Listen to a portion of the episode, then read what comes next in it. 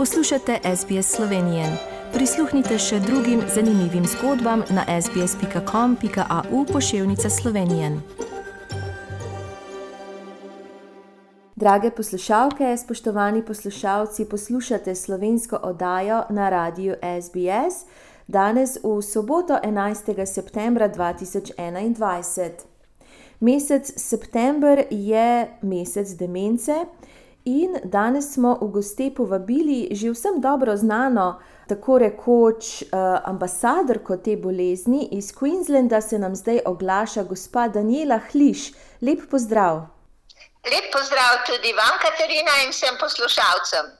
No, mi dve se že tretje leto slišiva na to temo in nikoli ne moreva nehati govoriti o tej bolezni, ki je tako zelo prisotna v vsakdanjem življenju, še posebej pri starejših ljudeh. Vemo, da se demenca tudi pojavi pri mlajših. Kaj se je pa spremenilo od najnega zadnjega pogovora?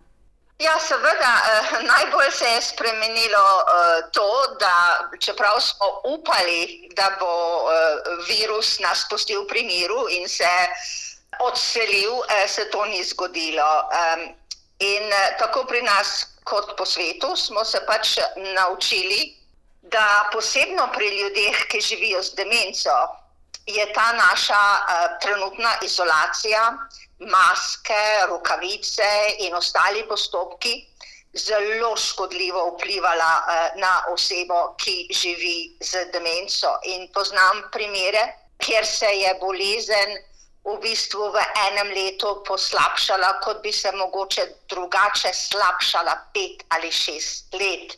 Nažalost, um, z vsemi postopki, ki smo jih um, izvajali in ki jih je vlada predlagala, lockdown, maske in tako naprej, smo premalo pomislili na to, da nismo vsi ljudje enaki, da so bolniki z demenco in posebno še tisti z demenco brez angliščine, veliko bolj v nevarnosti, da se jim pravzaprav zaradi vsega tega um, življenje konča prehitro. No, in avstralska vlada ima tako imenovan program Govori moj jezik, Speak My Language, pri katerem tudi vi pomagate. Ja, ta je program, ki smo ga pravzaprav začeli, se mi zdi, pred kakšnima dvema, tremi leti in še zdaj je zelo aktiven. Jaz sicer ne sodelujem več, ampak je na programu na spletni strani. So informacije tudi v slovenščini o demenciji pač svetujem ljudem, če želijo te informacije v slovenščini, um, da grejo na to spletno stran. No, in ta spletna stran je trikrat vojni ve.dementia.org.au in to boste tudi našli na naši spletni strani po najnem pogovoru. Gospod Daniela, kako bi pa vi sploh enemu laiku uh, opisali, kaj sploh je demenca? Lahko priznam, da ko je moja mama dobila diagnozo demence. Eh, jaz o tej bolezni nisem eh, vedela nič, niti besede nisem poznala, čeprav že dolgo živim v Avstraliji in tudi v slovenščini je, je precej slična. Uh, tudi zdravniki, tri ali štiri leta, niso vedeli, da je moja mama bolana s to boleznijo, so govorili, da je pač depresivna, da je mm, težavna, da je problematična in tako naprej. Ampak um, jaz lahko sedaj mojim ljudem uh, in znancem pač razložim, da je to kronična, napredujoča možganska bolezen, ki prizadene više možganske funkcije, kot so spomin, mišljenje, orientacija, razumevanje, uh, računske in učne sposobnosti, ter sposobnosti govorjenja, izražanja, presoje.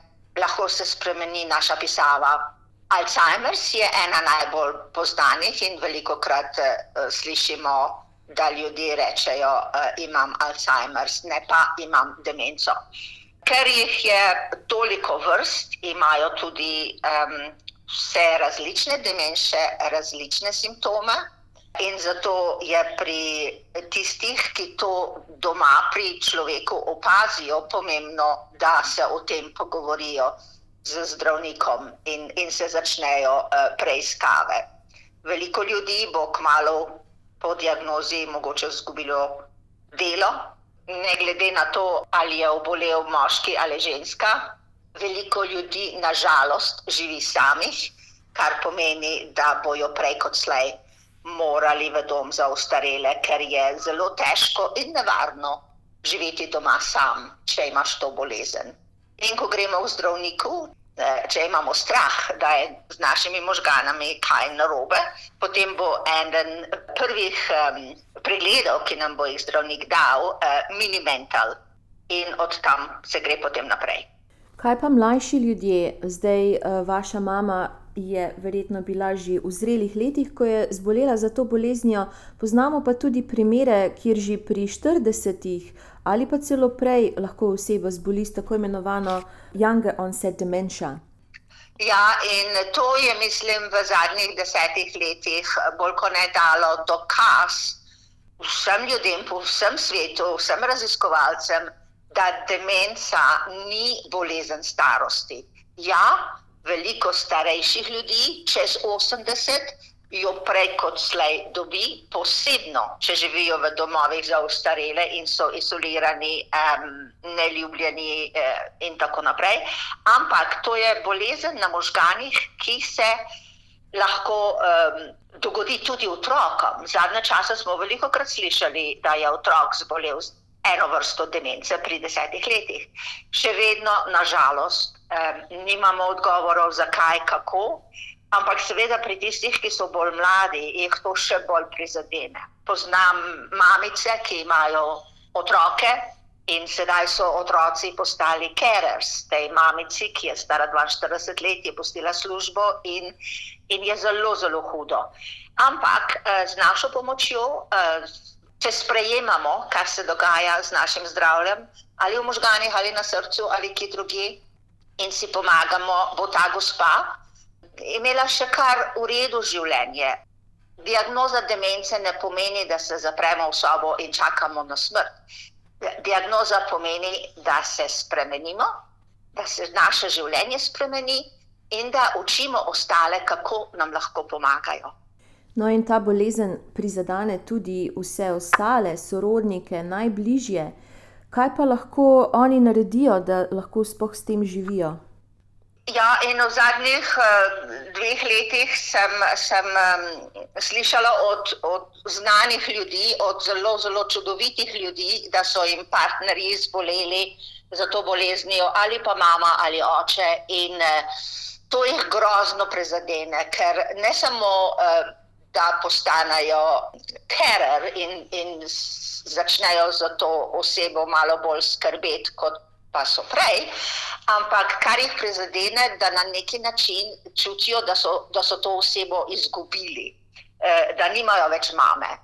Ampak kaj jaz rečem, eh, ne, ne tako gledati. Še vedno imate mamo, še vedno imate ženo, samo drugačna je, spremenila se je zaradi bolezni in tudi vi in vaš način z njo, eh, z njim, se mora spremeniti. Ampak kar veliko ljudi, ki so kerer in Naj rečem, da trenutno jih je okrog 1,6 milijonov v Avstraliji, ki skrbijo na en ali drug način za nekoga, ki ima demenco. In to je ogromno, če pomislimo, da v bistvu žrtvujejo svoje življenje za nekoga drugega.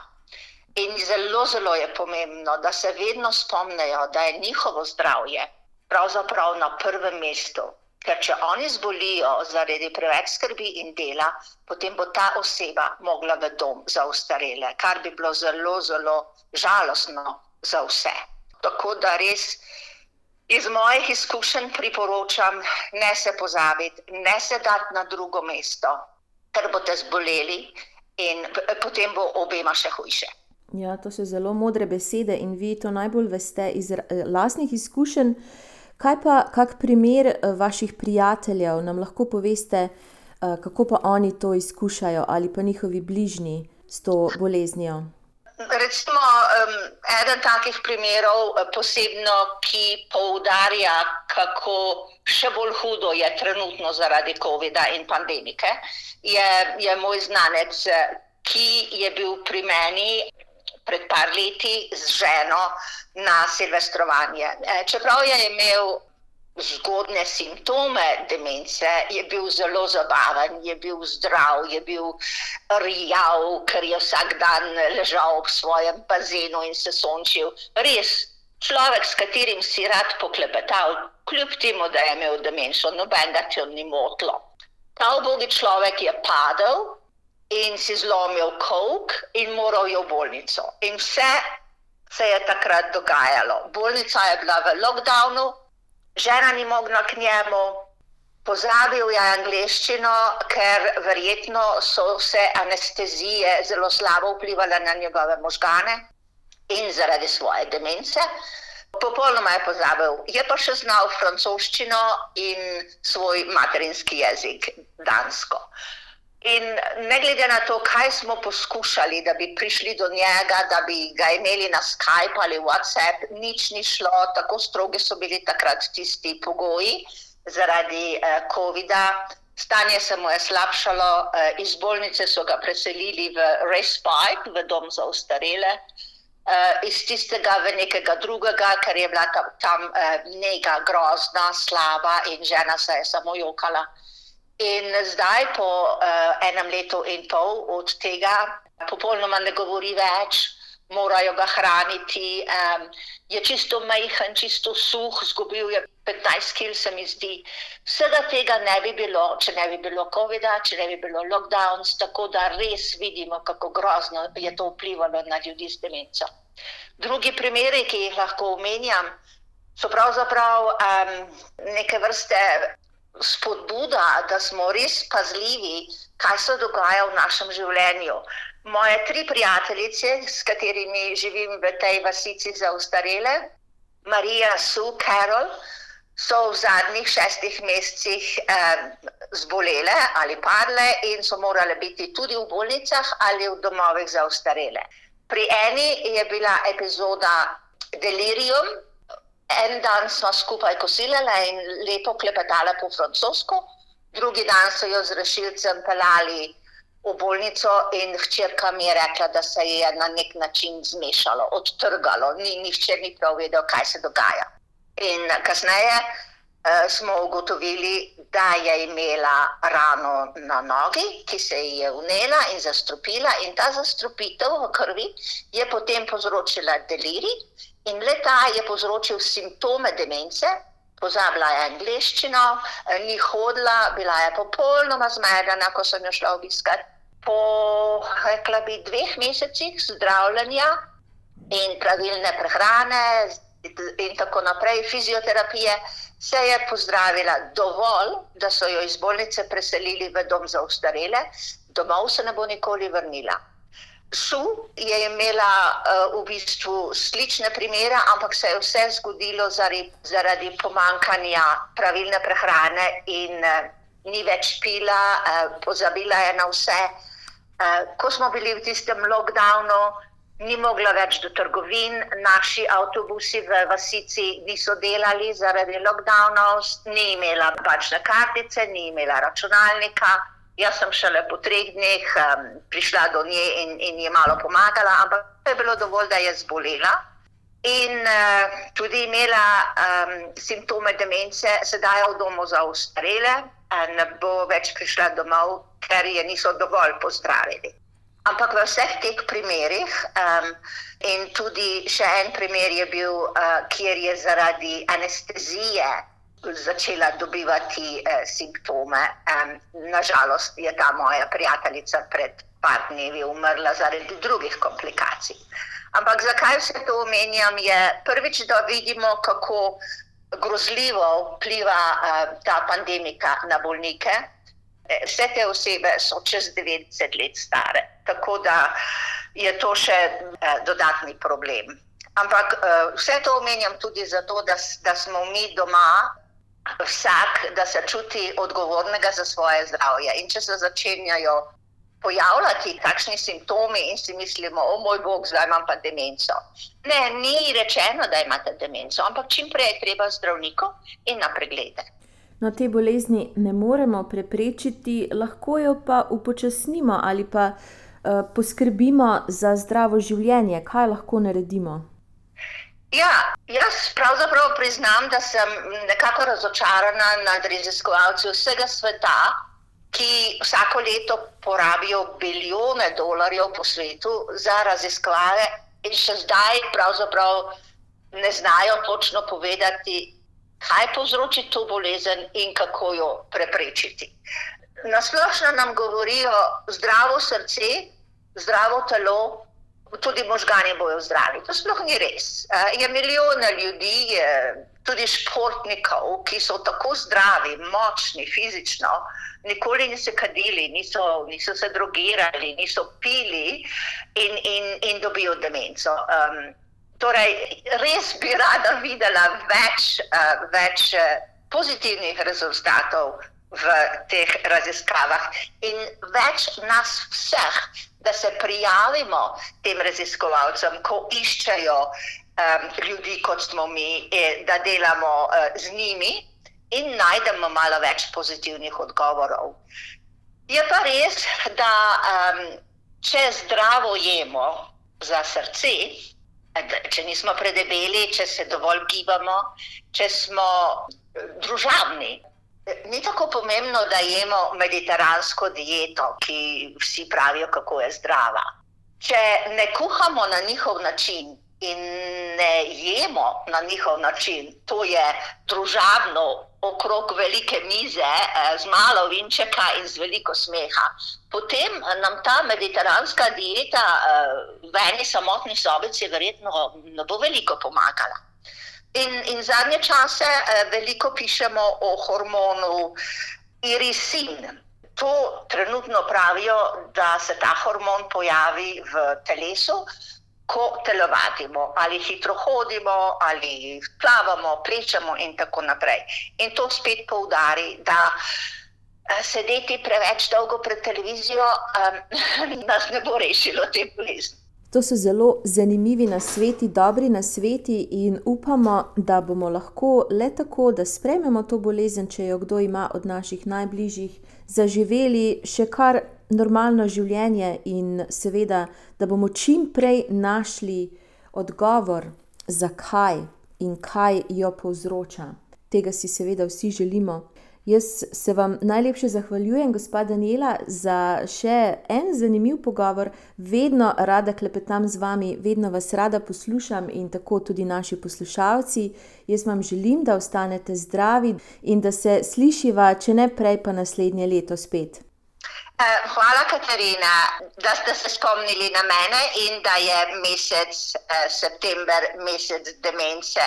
In če ste oseba, ki živi z demenco, lep pozdrav in želim vam poguma in strajnosti. In če ste kerer, ne pozabite na sebe. Malo pomoč lahko naredi veliko razliko pri kvaliteti življenja. Hvala lepa. Všečkaj, deli, komentiraj. Spremljaj SBS Slovenijo na Facebooku.